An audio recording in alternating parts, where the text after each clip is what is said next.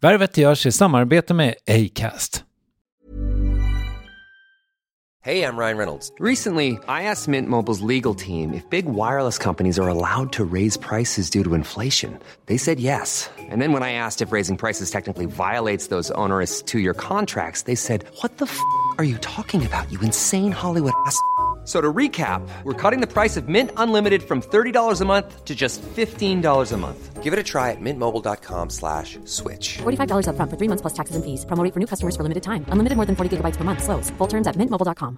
Planning for your next trip? Elevate your travel style with Quince. Quince has all the jet-setting essentials you'll want for your next getaway. Like European linen, premium luggage options, buttery soft Italian leather bags, and so much more and it's all priced at 50 to 80% less than similar brands. Plus, Quince only works with factories that use safe and ethical manufacturing practices. Pack your bags with high-quality essentials you'll be wearing for vacations to come with Quince. Go to quince.com slash trip for free shipping and 365-day returns.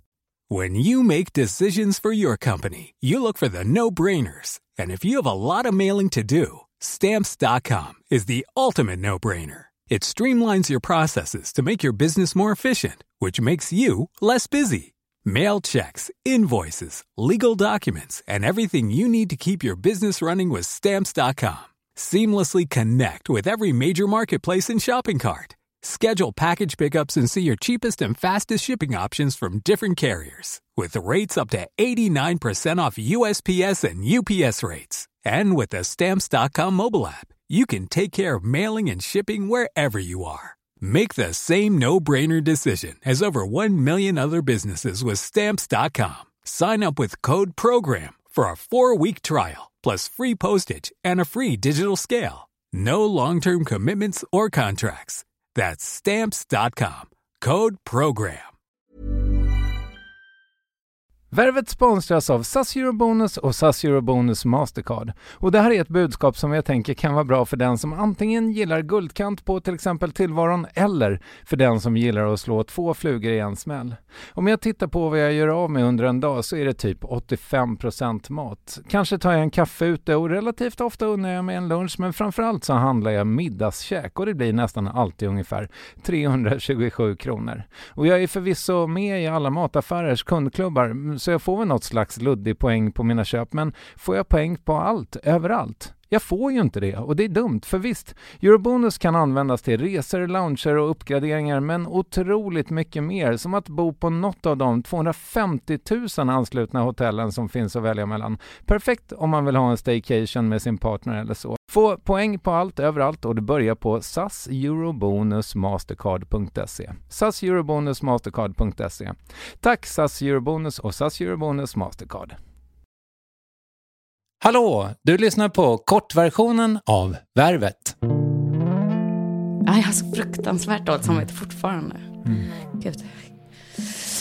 Det är helt sjukt att någon är typ så här, du var den här personen när du var liten, du kan vara den nu också. Du kanske har varit den här personen hela tiden, du kanske inte behöver undra.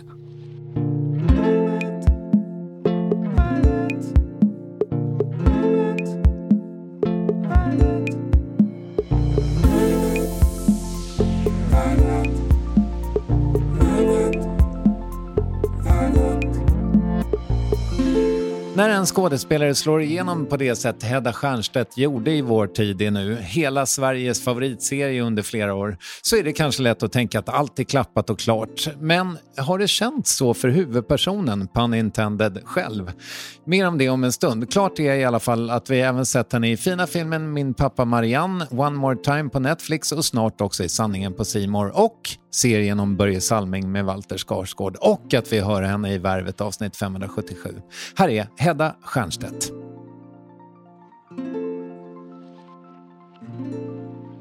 Hur är läget? Det är bra. Mm. Jag tycker det känns bra. Jag är inne i en sån himla bra eh, liksom cykel i mitt jobb. Alltså mitt jobb går ju så himla mycket liksom i cykler, eller vad man ska säga. Och jag är inne i liksom den absolut bästa perioden eh, som man kan vara just nu. Man liksom håller på att förbereda nästa jobb. Men man är inte mitt i inspelning och jag har precis kommit ur liksom en presslansering. Så just nu liksom går jag bara, nu hänger jag runt på dagarna med min gitarrlärare eh, Bengan och min andra gitarrlärare Jimmy. Gitarr-Jimmy och Bengan. så jag har det väldigt liksom... Det är, det är liksom en psykisk, liksom behaglig plats att befinna sig på. Man, inte, man undrar inte vad som ska hända härnäst. Men man har ett väldigt lugnt tempo. Jag har kanske sagt det sex miljoner gånger förut i värvet, men just den där aspekten av ditt yrke måste ju ändå, den är ju väldigt avundsvärd. Att du måste lära dig gitarr då till något projekt. Ja. Och, och då är, är det ditt jobb, du får betalt för att lära dig gitarr. Ja, alltså tyvärr i Sverige har vi ju inte liksom de här resurserna så att jag kan liksom, att jag blir signad till ett projekt och sen så går jag och studsar runt på stan och, och eh, lär mig gitarr i två år och typ gör som eh, i Stars Born där när han sänkte sin röst tre oktaver för han hade liksom två år att jobba på caset. Alltså det är ju aldrig så, det är mycket så snabbare vändningar i Sverige. Man får så här en månad typ. Men, men det är ju en helt fantastisk aspekt av mitt jobb. Det är typ det roligaste som finns. Jag lärde mig rida förra året. Ehm, jag fick gå hos eh, Dolph Lundgrens karatemästare förra året och nu får jag lära mig spela gitarr och sjunga och det är liksom... Jag tror det håller en fräsch också. Mm. Inte bara att det är så jävla kul. Jag tror att man liksom, man håller sig fräsch i huvudet ju av att lära sig grejer. Det är helt fantastiskt. Hur hemligt är det vad du ska göra med gitarreriet? Oh, det är fortfarande hemligt faktiskt. Jag har fått banning. Jag har, men det jag får säga är att jag, att jag spelar gitarr. Ja, mm. okay. Men det är en film, det är en långfilm. Ja, kul. Mm. Ah. Och den ska då göras här i sommar? Ah. Ja. Okej. Okay. Eh, och så är det ju, det sa du ju själv, men jag hade ändå skrivit ner det och eftersom jag är en fyrkantig person så säger jag ändå. Du är ju liksom i slutfasen av en sån här mediecykel och i det här fallet då för Netflix. Mm. Är det en härlig del av jobbet att sitta och prata om någonting man spelade in för ganska länge sedan? Eh, ärligt talat, eh, nja, liksom. För det första så är det ju väldigt svårt att connecta med någonting man gjorde för länge sedan på något sätt. För i mitt, jag, menar, jag har ju gått vidare, jag har ju gjort, an, jag har gjort typ tre projekt emellan som jag fokuserat 100% på och så ska man liksom ja, damma av den här gamla liksom, grejen ungefär. Och det kan ibland verkligen avundas andra kreativa yrken, att de gör ju det de gör i stunden och sen blir de klara med det och får gå vidare på något sätt. Vi, jag, vet, jag vet inte, det är, det är lite märk, det är en märklig process liksom. Ja. En lösning på det där hade ju varit att du gjorde grejer på scen. Då får, Exakt. Då får du prata om det när det händer. Ja, ring mig teatrarna. Okej. Nej men jag, jag längtar efter scen, absolut. Eh, det hade varit skitsmart att inte prata om sin paniska scenskräck i alla intervjuer sedan 2011, ifall du ville dit. Men... Det är sant. men eh, fatta vad intressant också, att stoppa mig på en scen när jag har bisarr scenskräck. Ja. men, men du, men, ja, hur känns det? Alltså, är det svårt att för jag tänker mig att om du inte gör det, då är det väl svårt att utmana den? Ja, eh, så är det absolut. Men sen hamnar jag ju liksom, alltså jag vet inte, jag gjorde ju Biancas talkshow häromveckan. Det var ju ett sånt moment, för det är ju, eh, det är ju att gå ut på en scen och verkligen liksom performa. Även om det inte sänds 100% live så är det ju liksom så nära som, eller man ska säga. Jag svettades liksom, alltså jag svettades liksom i knävecken typ. Jag svettades vet, så på, på smal, ställen man inte ens kan svettas på typ. Eh, jag var liksom livrädd. Eh, det kanske hade med läderbyxorna att göra också. det är sant. Jag hade ett riktigt sånt Ross i vänner moment där jag bara tänkte någon kommer behöva så babytalka mig ur de här. Nej men eh, det kan absolut ha med det att göra. Men eh, det var också någon typ av, jag, liksom, jag hade inte gjort tv på så länge också, liksom som prat-tv, om man ska prata om så jag så skakade av nervositet. Men jag, jag älskar ju... Inte. Ja, bra, jag var livrädd verkligen. Mm. Eh, nej men jag liksom älskar ju att eh, också utsätta mig för sånt. Nej men jag, det är inte bara utsätta sig för scenskräck eller att få njuta av att göra någonting i stunden, utan jag eh, längtar efter scenen också för att ehm, eh, jobba i gruppen och mm. leken mm. i gruppen och skapandet i gruppen. Jag är, så, jag är liksom inte så bra solo. Eller fattar du vad jag menar? Eller jag är, alltså, inte som skådis, utan lite mer bara som att min hjärna behöver an, verkligen andra människor för att tänka. Jag behöver bolla för att tänka smarta tankar. Jag var på semester själv nyligen och var så chockad över hur ointressanta tankar jag tänkte. Jag tänkte jag skulle tänka så mycket smart. Men allt, alltså jag tänker bara liksom superintressanta saker när jag får studsa dem mot en annan person. Liksom, mm. Om du fattar vad jag menar. Ja, ja, ja mm. tusen procent. Jag har ju mm. ganska nyligen kommit till insikt om att jag är alldeles för ensam. Alltså, man har ju liksom ingen att tramsa med.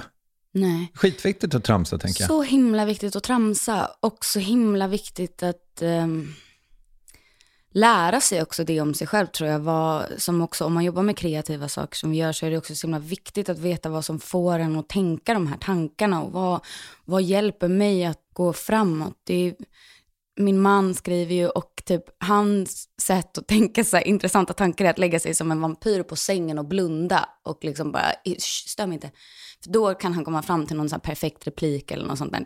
Medan jag skulle aldrig kunna göra det och det, det är verkligen någonting jag lärt mig under senaste, ja men under pandemin framför allt, men sen även nu på min solosemester som jag trodde skulle vara jättegivande, stänga av telefonen och liksom det enda som var givande var att läsa böcker, men det blir liksom inte... Nej, jag, jag behöver, jag, för att tänka intressanta saker så behöver jag liksom prata mig fram till dem. Tror jag. Mm. Ja. ja men, och, och, det där märker man ju i... Um, alltså, mitt stora problem, nu har jag gjort det här him så himla, himla länge, men det som återkommer med, i dialogen med min producent är ju så här att jag eh, då till exempel intresserar mig jättemycket för ensamhet för att jag har kommit till någon insikt om ensamhet och att jag är för ensam. Och då vill jag ju liksom prata med alla om det, men, men eftersom jag inte riktigt har någon att bolla med så får jag göra det med mina gäster, mm. vilket gör att då kommer ju samma, samma ämne upp i liksom åtta ja, avsnitt i rad. Det blir jättejobbigt att klippa.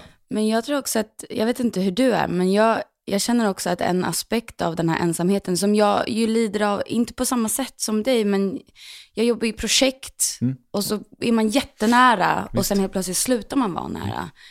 Och att jag satt nyligen eh, i en bil i Toronto och bara så här, det här funkar inte för mig typ. Alltså jag liksom... Var det där du var på ensam semester? Nej, nej. Nej, nej utan det var, vi filmade ett projekt men det var på väg att ta slut och jag jag har sån fantastisk separationsångest varje gång någonting är på väg att ta slut. Och så liksom kände jag verkligen så starkt också att så här, gud, jag är liksom inte heller lagd för det här med ytliga bekanta. Jag vill inte ha så, någonting som också är betingat med en viss sak. Jag vill inte ha en träningskompis eller en, den var den som jag kände där i det projektet, utan jag vill liksom verkligen känna människor och ha dem nära och älska dem djupt och mm. verkligen, verkligen dela. Eh, och jag är för känslig typ för det. Jag är liksom mitt, mitt arma stackars hjärta kan inte hantera. Jag behöver alltid så lå. Folk måste så hålla mig i handen när vi håller på, liksom, om vi har blivit vänner så måste de säga, nu får du lova mig att det inte bara vara här. Annars dör jag. Mm. Fast det, ditt liv måste ju bara vara liksom ja. att vara sommarkatt, så att säga. Ja. Det är fruktansvärt. Nej men det är liksom, det är ett underbart eh, och fantastiskt liv och jag förundras dagligen över att jag får göra det och fortsätta göra det. Men eh, den aspekten av det liksom, eh, den, den, tar, den tar jättemycket på mig. Jag liksom verkligen hade någon sån, jag, jag Walter kallade det för att jag får panikseparationsångest. Mm. Att jag liksom stod och skrek på Walter. Lova, lova att, det här, att vi kommer fortsätta ses. Har ni gjort det?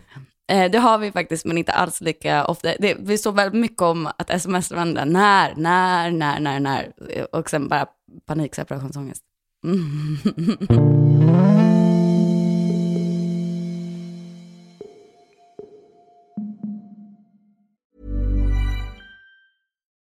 When you need mealtime inspiration, it's worth shopping Kroger, where you'll find over 30,000 mouthwatering choices that excite your inner foodie. And no matter what tasty choice you make, you'll enjoy our everyday low prices, plus extra ways to save, like digital coupons worth over $600 each week. You can also save up to $1 off per gallon at the pump with fuel points. More savings and more inspiring flavors make shopping Kroger worth it every time. Kroger, fresh for everyone. Fuel restrictions apply.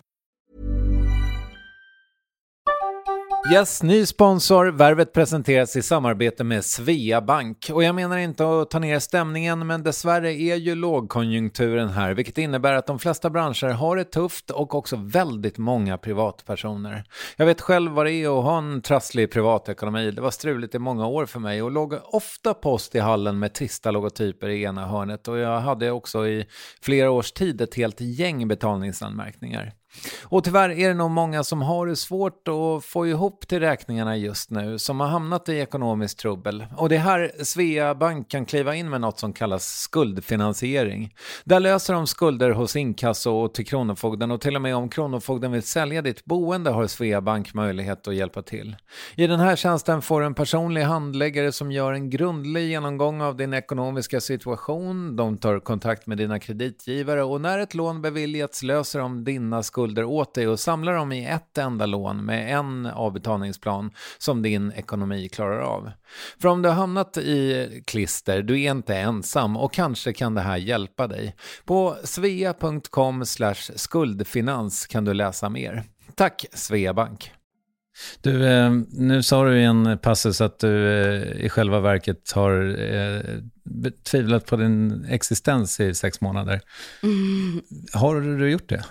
Kanske inte just de senaste, faktiskt det senaste året har jag varit så upptagen att jag slipper göra det. Men det, innan dess så gjorde jag det absolut. Under pandemin var jag väldigt deprimerad. Mm. Väldigt, väldigt deprimerad. Det var ju som en... Um, don't mention the war, men det är liksom lite vår tid nu tog upp väldigt mycket av mitt liv i fyra år.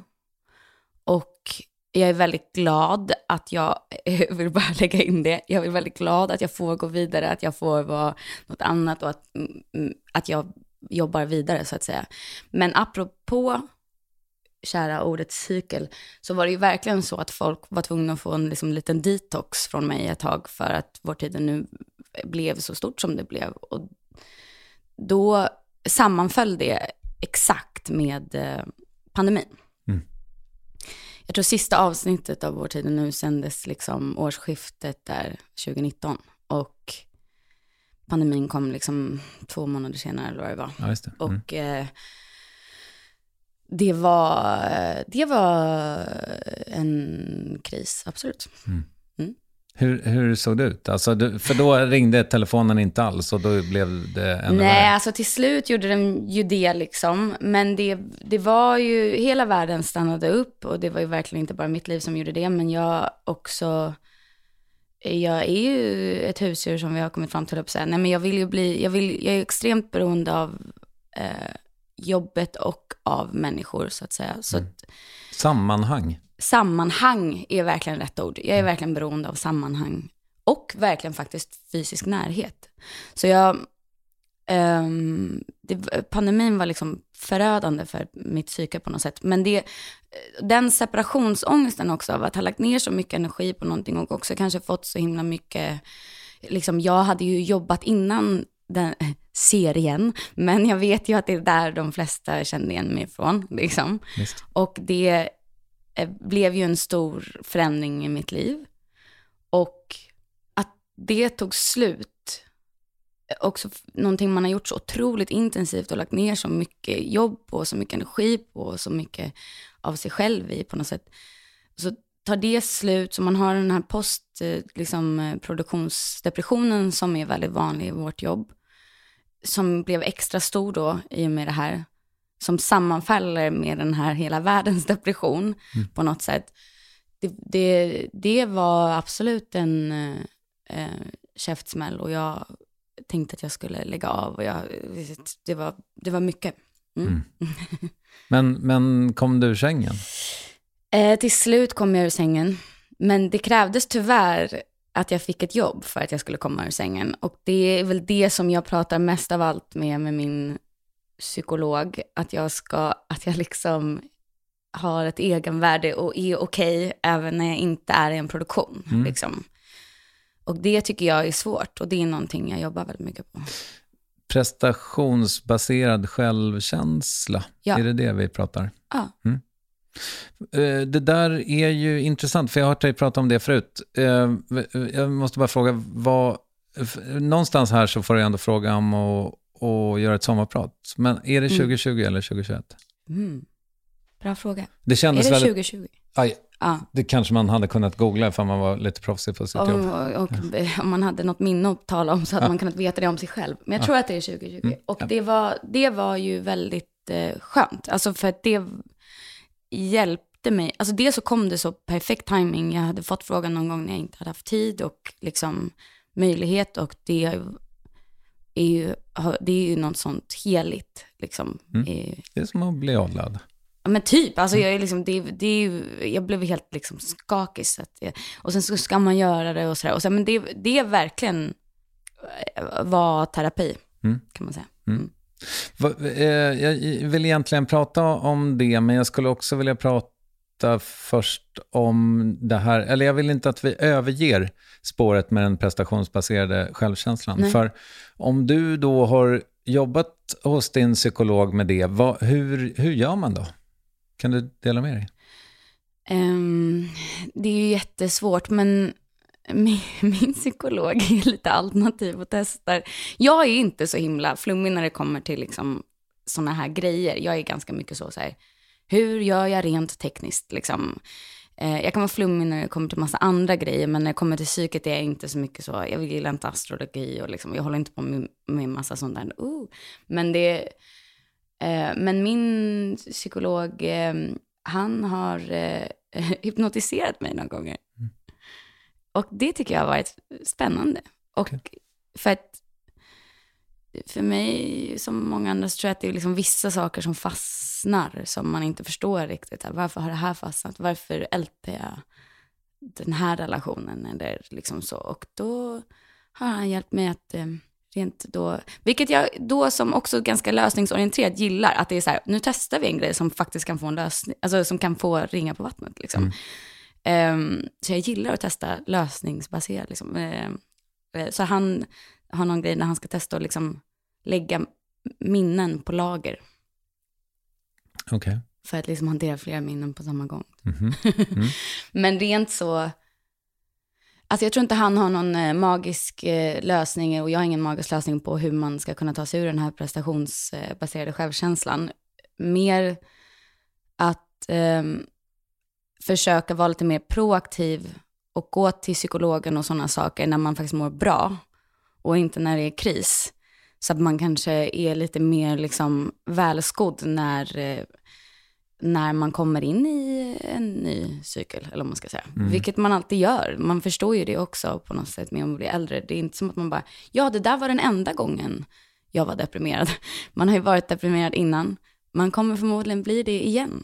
Saker händer. Jo, men, men det man vill är ju liksom, jag märkte det häromdagen, nu är det ju, när vi sitter här är det ju liksom den här senvåren när det är liksom massa jävla helgdagar. Och jag märkte det när helgen blev tre dagar lång, då blev jag väldigt obekväm. Mm. Eh, för det tyckte jag inte om. Eh, Alltså, Varför? det är måndag. Jag, jag måste vara produktiv. Jo, men det är Ah, röd dag. ah. Okej då, vad gör man Ah. då? då? Spelar Heyday i sex timmar i sträck? Ja, det var det det blev kanske. Mm. Eh, ja. Eh, jag vet inte, jag, tycker- jag tycker det där är svårt.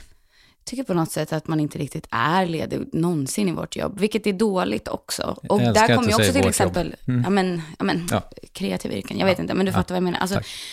eh, när, man, när skapandet också på något sätt ska komma från en själv, vilket också tyvärr är, eh, eller där, där också sommarpratet kom in och hjälpte mig lite genom min depression, var ju också för att ehm, i mitt jobb så är man, och då menar jag bara mitt jobb den här gången, då är, då är det ju, man är så beroende av andra människor. Någon annan ska liksom komma och säga nu får du göra det här. Det, skapandet kommer liksom inte från en själv, utan det är bara i ett rum, det är fint på ett sätt, det är bara i ett rum med andra människor jag får skapa. Men det gör ju också att man ibland känner sig handikappad. Och det var fint till exempel då att få skriva för att man eh, känner att så här, jag, kan, jag kan sitta och göra någonting. Det är inte bara ehm, Playstation som är alternativet, liksom. Utan det, det kanske finns andra vägar för mig att få tänka och försöka faktiskt tänka något intressant utan andra människor. Men det, men det är ju lite intressant, nu, nu ska inte jag skohorna in och hjälpa dig att göra promotion för eh, Netflix-grejen, men det är ju lite intressant att du var så in, mycket inne i ditt sommarprat på din barndom. Ja. Ehm, då tänkte jag så här, men hade du läst det där, liksom, att nej, det hade ingenting med det, Det att har göra? absolut ingenting med Nej, varandra nej. att göra. Och jag har inte skrivit eller haft någonting med Netflix-grejen att göra. Nej, Liksom. nej. Alltså, utan eh, nej, det är bara... Det var dit du, din Det kom kreativitet... två år senare det här. Alltså de är liksom två år isär. Ja, jag det har ingenting med varandra att göra. Nej, men då kan vi skippa det. Eh. Men, men för jag var lite nyfiken på det. Eh, Jag har ju varit lite off and on, tänker jag, med hur mycket barndomen betyder för en. Och nu är jag väl lite tillbaka på att, ja, det låter väl rimligt att den har ganska stor betydelse för hur man blir i livet. Men, men jag, är lite nyfiken på, för du tar ju verkligen i sommarpratet, nu är det tre år sedan, så jag ber om ursäkt för sen följdfråga. Nej men det är spännande. Mm. Men du tar verkligen avstamp i den. Och, och det är som att du undersöker den med oss som lyssnar. Ja. Och varför vill du göra det tror du? Jag ville på något sätt ehm, eh, testa att göra typ någonting, nu låter det så jävla grovt att säga verk, det låter så otroligt högträvande, jag tror inte att det här är ett konstverk, det är inte så jag menar, utan det är lite mer bara att jag ville testa formen av ett verk mer, att berätta lite mer dramaturgiskt. Försöka anpassa det till forumet, det vill säga berätta någonting om mig själv. Som följer en dramaturgisk linje, för att jag är ganska intresserad av dramaturgi såklart i mitt jobb och liksom manusförfattande och allting sånt. Så jag ville testa att skriva någonting som, som liksom följde formen men ändå inte. Och kanske inte välja någonting som handlade om typ ett trauma. Det känns som att alla förväntar sig. Och viss, liksom den, någon kritik var också så här, har det inte hänt henne någonting typ? Och man bara, jo det har hänt fruktansvärda saker. Jag bara valde att inte berätta dem för dig i det här forumet. Utan det jag ville var att kanske också inte framställa mig själv i världens bästa dagar eller spela på en liten fiol och klaga på allt jobbigt som har hänt mig. Liksom. Utan jag valde att på något sätt välja bort det. Och sen så kan man kanske ana i någon undertext, jag liksom hintar om vissa grejer, men vissa grejer hintar jag inte ens om. Liksom. Men jag ville säga någonting om just den här äh, ångesten av att vara en person typ och att man letar efter vem man är he- hela livet. Och göra det under en dramaturgi liksom. Så därför valde jag just det här brevet jag fick eh, av min barndomsvän Anna. Det är en dagboksanteckning från den veckan vi började i första klass. 1994. Hela klassens namn står listade och sen en beskrivning bredvid hur Anna tycker att de nya klasskompisarna är. Jag letar febrilt efter mitt eget namn. Hedda. Vild. Snäll. Tränger sig före i matkön. Och allt är ju sant. Alltså allting jag berättade har hänt. Liksom. Jag försökte bara välja så här, hur börjar man från A till Ö? Eh, Och kan samtidigt följa en form och samtidigt inte bara klaga eller, eller skryta. Så hur, hur berättar jag lite om mitt liv, liksom, portionera ut det. Så då valde jag liksom den här formen och valde att integrera musiken i det. Och för jag är väl, alltså musik har alltid varit liksom minnen för mig på något sätt. Så jag ville liksom också använda mig av alla former som det där forumet faktiskt gav en.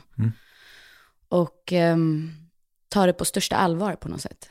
Så jag satt bara i en så fläckig morgonrock och liksom svettades under hela pandemin och liksom så här drack hundra koppar kaffe och bara skrev och skrev och skrev. Men det var väldigt fin upplevelse liksom. Och ehm, jag får väl gnälla om mina trauman på Stjärnorna på slottet om 15 år. Nej, jag skojar. nej, men, nej men eh, det var fint och jag bad om hennes tillåtelse också. Alltså den som det handlar om.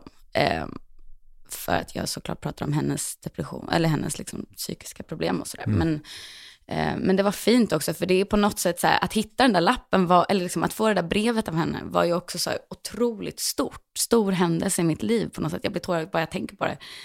Att någon bara, för jag liksom, jag, vi träffades ju då, för er som inte hört det här, men vi som träffades för första gången på hundra år och hon, ehm, det har hänt massa grejer och hon liksom ändå presenterar typ en lösning till vem man är. Du hade ju jättedåligt samvete. Ja, jag har så fruktansvärt dåligt samvete fortfarande. Mm. Gud. Ehm, nej men, och ehm, det är helt sjukt att någon är typ så här, du var den här personen när du var liten, du kan vara den nu också. Det är fint ju. Du kanske har varit den här personen hela tiden, du kanske inte behöver undra. Mm. Fint. Kommer det värvet att börja gråta? Ja, men det, det, det är väl... ja. Har ni, har ni bibehållit kontakten? ja, vi hörs ibland, men det är svårt. Mm. Det är svårt. Mm. Hon mådde piss. Mår piss. Mm. Ja. Mm. Och liksom, det är, det är svårt att vara människa. Mm. Det är så jävla svårt. Och jag tror att det var på något sätt kanske det jag ville skriva om. Liksom. att Det är svårt för alla och att man vet inte liksom vem man är. Sen så är det så himla också så här, att tänka sig jättemycket på vem man är. Jag förstår också att det är en sån himla så här, bortskämd medelklassgrej. Typ så, om man kämpar varje dag för brödfödan så har man inte tid att tänka på vem man är på något sätt. Men att på något sätt var det som att jag också ville inte heller tänka på vem jag var. Förstår du vad jag menar? Och också att så här, jag hoppas det var underförstått att jag har inte bara surfat genom livet. Alltså, jag har liksom också jobbat hela tiden och jobbat liksom inom service. Jag, jobbar, alltså, jag, eh, jag, jag bara liksom inte eh, redogjorde för varje instans i livet, utan jag ville liksom på något sätt så här, att viss ångest släpper inte. Liksom. Och man hakar också upp, tror jag, jag är lite så, just som min psykolog också hjälper mig med, med att liksom lagra minnen ovanpå varandra med hypnos och sånt där. Det är också för att jag hakar upp väldigt mycket på en sak, liksom, på ett minne och kan gå och liksom tänka på det vad jag än gör på något sätt. Och att mycket i mitt liv kanske handlar om liksom en flykt från mig själv. Eh, surprise, surprise, är skådis och liksom behöver på något sätt dels kanske fylla ett tomrum, men också att man liksom får gå in i saker så helhjärtat att du får glömma dig själv. Mm. Visst. Det är det jag söker också i mitt jobb. Jag vill inte vara mig själv alla gånger. Liksom. Inte för att jag är en hemsk person, shoutout till min psykolog, eh, utan för att eh, det är så jävla jobbigt att vara en människa på något sätt. Alltså, så att, att få vara andra ett tag är ju helt fantastiskt. Och också, framförallt inte bara det att så här, låtsas vara någon annan, för det är inte riktigt det jag gör. Utan framförallt bara att få gå så helhjärtat in i någonting att så här, när en scen funkar, då glömmer jag på riktigt bort mig själv.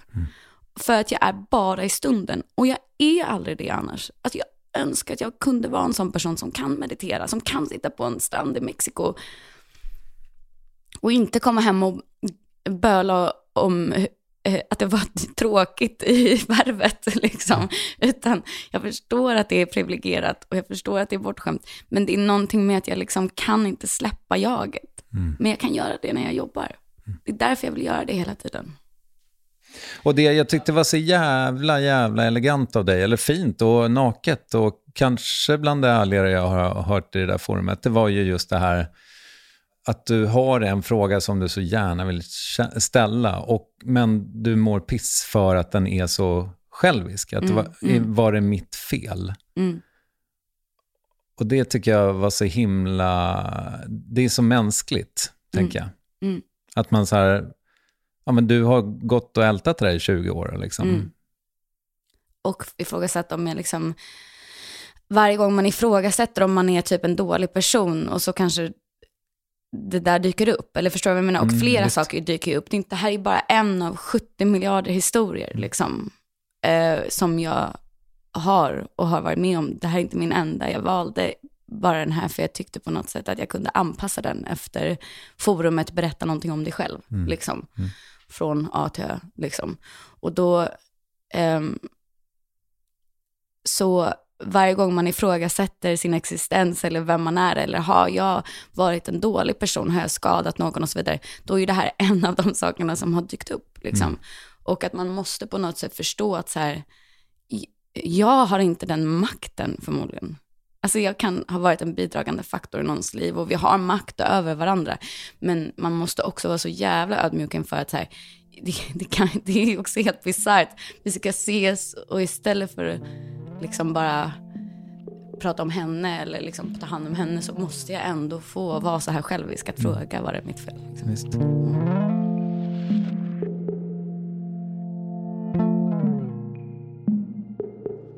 Men eh, innan du går vill jag bara att vi ska eh, prata om en elefant i rummet. Mhm. Och det var ju att du, eh, jag lyssnade precis på vår förra intervju. Ah, Det var väl inget fel på den, fast du tyckte inte att det blev något bra. Har du Ja. sagt. minns inte att jag...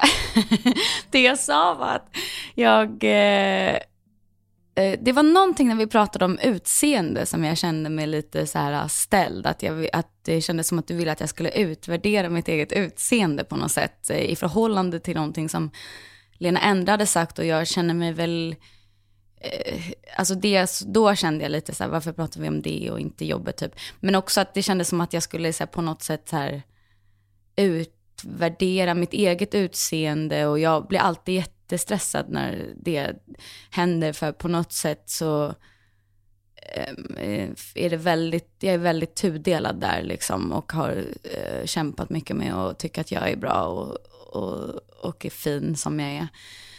Och därför blir jag väldigt stressad när den frågan dyker upp för på något objektivt sätt kan man väl liksom Alltså jag vet alltså jag, jag blir jättestressad. Jag vet inte hur andra ser mig och jag vet bara hur jag själv ser mig. Och sen vet ju jag hur jag kan se ut på en jättefixad bild och vara nöjd med det. Men jag vet inte om jag tycker att själv att den bilden stämmer överens med verkligheten. På samma sätt som med min sociala medier. Jag ser inte ut så, det där är inte mitt liv. Alltså förstår du vad jag menar? Det är liksom, eh, det, det, jag, jag, jag, jag, det är någonting jag har kämpat med. Så det tyckte jag väl kanske var en jobbig eh, liksom, och du, du kanske landade lite så här, "Äh, men kom igen nu, nu kan vi prata. Lena kunde prata om det ungefär. Och, och det stressade mig lite. Men sen tror jag också att det var att ehm, du... eh, Vänta, kan du hålla den tanken så får jag bara svara. Ja. För att eh, jag eh, lyssnade på det snacket nu och jag tyckte verkligen att det var intressant utifrån det du sa. Jag hade klippt dig ifall du inte hade haft väldigt liksom, solida tankar om det. Ja. Men det kändes som att just Eh, bakgrunden var att jag relativt nyligen hade intervjuat Le- Lena Endre och hon hade sagt att hon, tyck, hon har tyckt att det varit så jävla jobbigt att, att vara snygg om man ska säga det enkelt. Hon är också så jävla snygg. Jag känner inte att jag kan Ja, relatera med det. Ja, Ja, mm. Nu gör ju du saker värre för henne. Det är skittaskigt. Nej, nej, nej. Ja, Nej, jag, alltså, jag bara tänker att jag inte lider av hennes, eh, alltså bördan hon har behövt bära är typ att vara så här, kanske en av världens snyggaste personer typ. Eller förstår du vad jag menar? Ja. Ja, Anyhow, skitsamma. jag, jag kommer inte gå i någon fälla och, nej, nej, och nej, recensera någons utseende. Men, eh, och jo, och hon hade tyckt att det varit jobbigt. Är det för att jag är bra eller för att jag är snygg jag får jobben? Mm, och Eh, då pratade du om att eh, du vill förhålla dig fri till ditt utseende. Ja. Och, och det, det var så bra snack. Mm. Så klart att du överlevde klippningen. Ja, nej men alltså jag tyckte att det blev ett bra snack. Och jag ska säga så här, jag inte, jag, jag, jag menar det är alltid eh, en av de liksom bästa intervjuerna, alltså det, eh, liksom, jag har gjort så mycket intervjuer, eller förstår du vad jag menar? Och det här är ändå en av de mest intressanta samtal man kan ha, liksom på något sätt, att komma hit. Så det är verkligen inte som att jag bara, det eh, blev dåligt. Det var bara det att eh, just den frågan hade jag väldigt så här, svårt att ta in på något sätt. Och, så här, men jag tycker vi landade i någonting bra som just handlar om att så här, mitt yrke, han, ja, det är därför jag inte tittar på mig själv, för att jag måste förhålla mig fri till att inte tycka att jag är ful eller fin eller bra på olika sätt, eller man ska säga, utan jag måste bara vara ett verktyg för en känsla. Ja. Men sen var det ju också att vi öppnade med, alltså som inte kom med, eller liksom det då spelade vi inte ens in, men att, att eh, jag var inne i kanske så en av de mest eh, stressiga perioderna jag någonsin har varit i hela mitt liv. Liksom, jag filmade två projekt parallellt samtidigt som vi hade en presslansering. Så jag, jag skötte inte mitt eget schema. Och tydligen hade vår pressperson ombokat vår intervju, Aha, typ flera gånger. okej. Och då hade du såklart blivit irriterad, för du tror att det är jag som ombokar. Aha, Eh. Mhm. Fast jag, hade inte, jag var inte ens medveten om att vi hade ombokat, utan det står i relation till att mitt inspelningsschema hade ändrats Ja, säkert. Mm. Och då Eh, Så jag vet inte ens om det. Så jag dyker upp och bara hej hej och du bara, ja ah, hej, jag missar mitt barns eh, eh, typ dansuppvisning eller vad, något sånt där. Mm. För, för det här. Och jag bara, alltså, förlåt. Alltså, det var typ som att jag, bara, jag hade ingen aning om att det var det. Så då tror jag att det var bara som att det var en ingång i att jag bara, vad har jag gjort? Ja, jag fattar. och jag var kanske inte mottaglig för att jag var så stressad. Mm. Svårt att tänka mig att det var dansuppvisning. Men det var någonting. Kan det varit... eh, Ja, men han kanske gick på Kristofferskolan och kanske var liksom den, den här tre... För det var, just det, för det var sommar. Ja. Ja, men då kan det ha varit kanske någon sommaravslutning. Ah, och, eh, och, eh, ja, eh, skit i det. Men eh, vad fint det var eh, att få closure på det då, för då var det inte så farligt ändå. Nej, det var inte att det jag var dåligt ljud. Det var bara att jag tror att jag, ingången i den blev som att jag bara... Men det var också som sagt, när jag är inne i sådana där konstiga stressperioder som är just så här, man, jag sov i en bil mellan Stockholm och Göteborg typ varannan natt och jag eh, liksom var tvungen att sluta dricka kaffe för att jag liksom bara var i sån hög stresslevel hela tiden att jag liksom hade hjärtklappning dygnet runt. Då är man ju så här, äh, minsta lilla, du kanske bara sa i förbigående så här, "Ha, du kanske, du, du kanske, det kanske var ett skämt typ. Alltså förstår du vad jag menar? Du kanske var så här, eh, vilken diva du är som har bokat om några gånger nu, eh, liksom, ha ha ha, ungefär. Och jag var så här, inte ett dugg mottaglig för det, utan istället var så här, han missar sitt barns dansuppvisning, det är mitt fel. Ja. Liksom. Ja. Det var ingen dans. Nej, nej, okej, förlåt, men skolavslutning, vad det nu var. Eh, kanske basket. Jag vet inte. Nej, men du, eh, eh, fan, en miljon tack för att du kom. Tack för att jag fick vara här.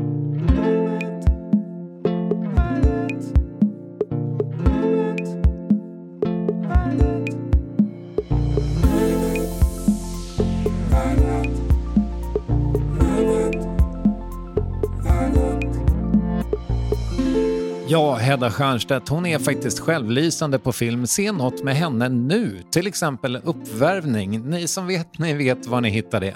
Nästa vecka kommer en av Sveriges mest älskade röster hit. Missa inte det. Hälsar jag, Ninni Westin och Acast. Tack så hemskt mycket för visat intresse. Hej då.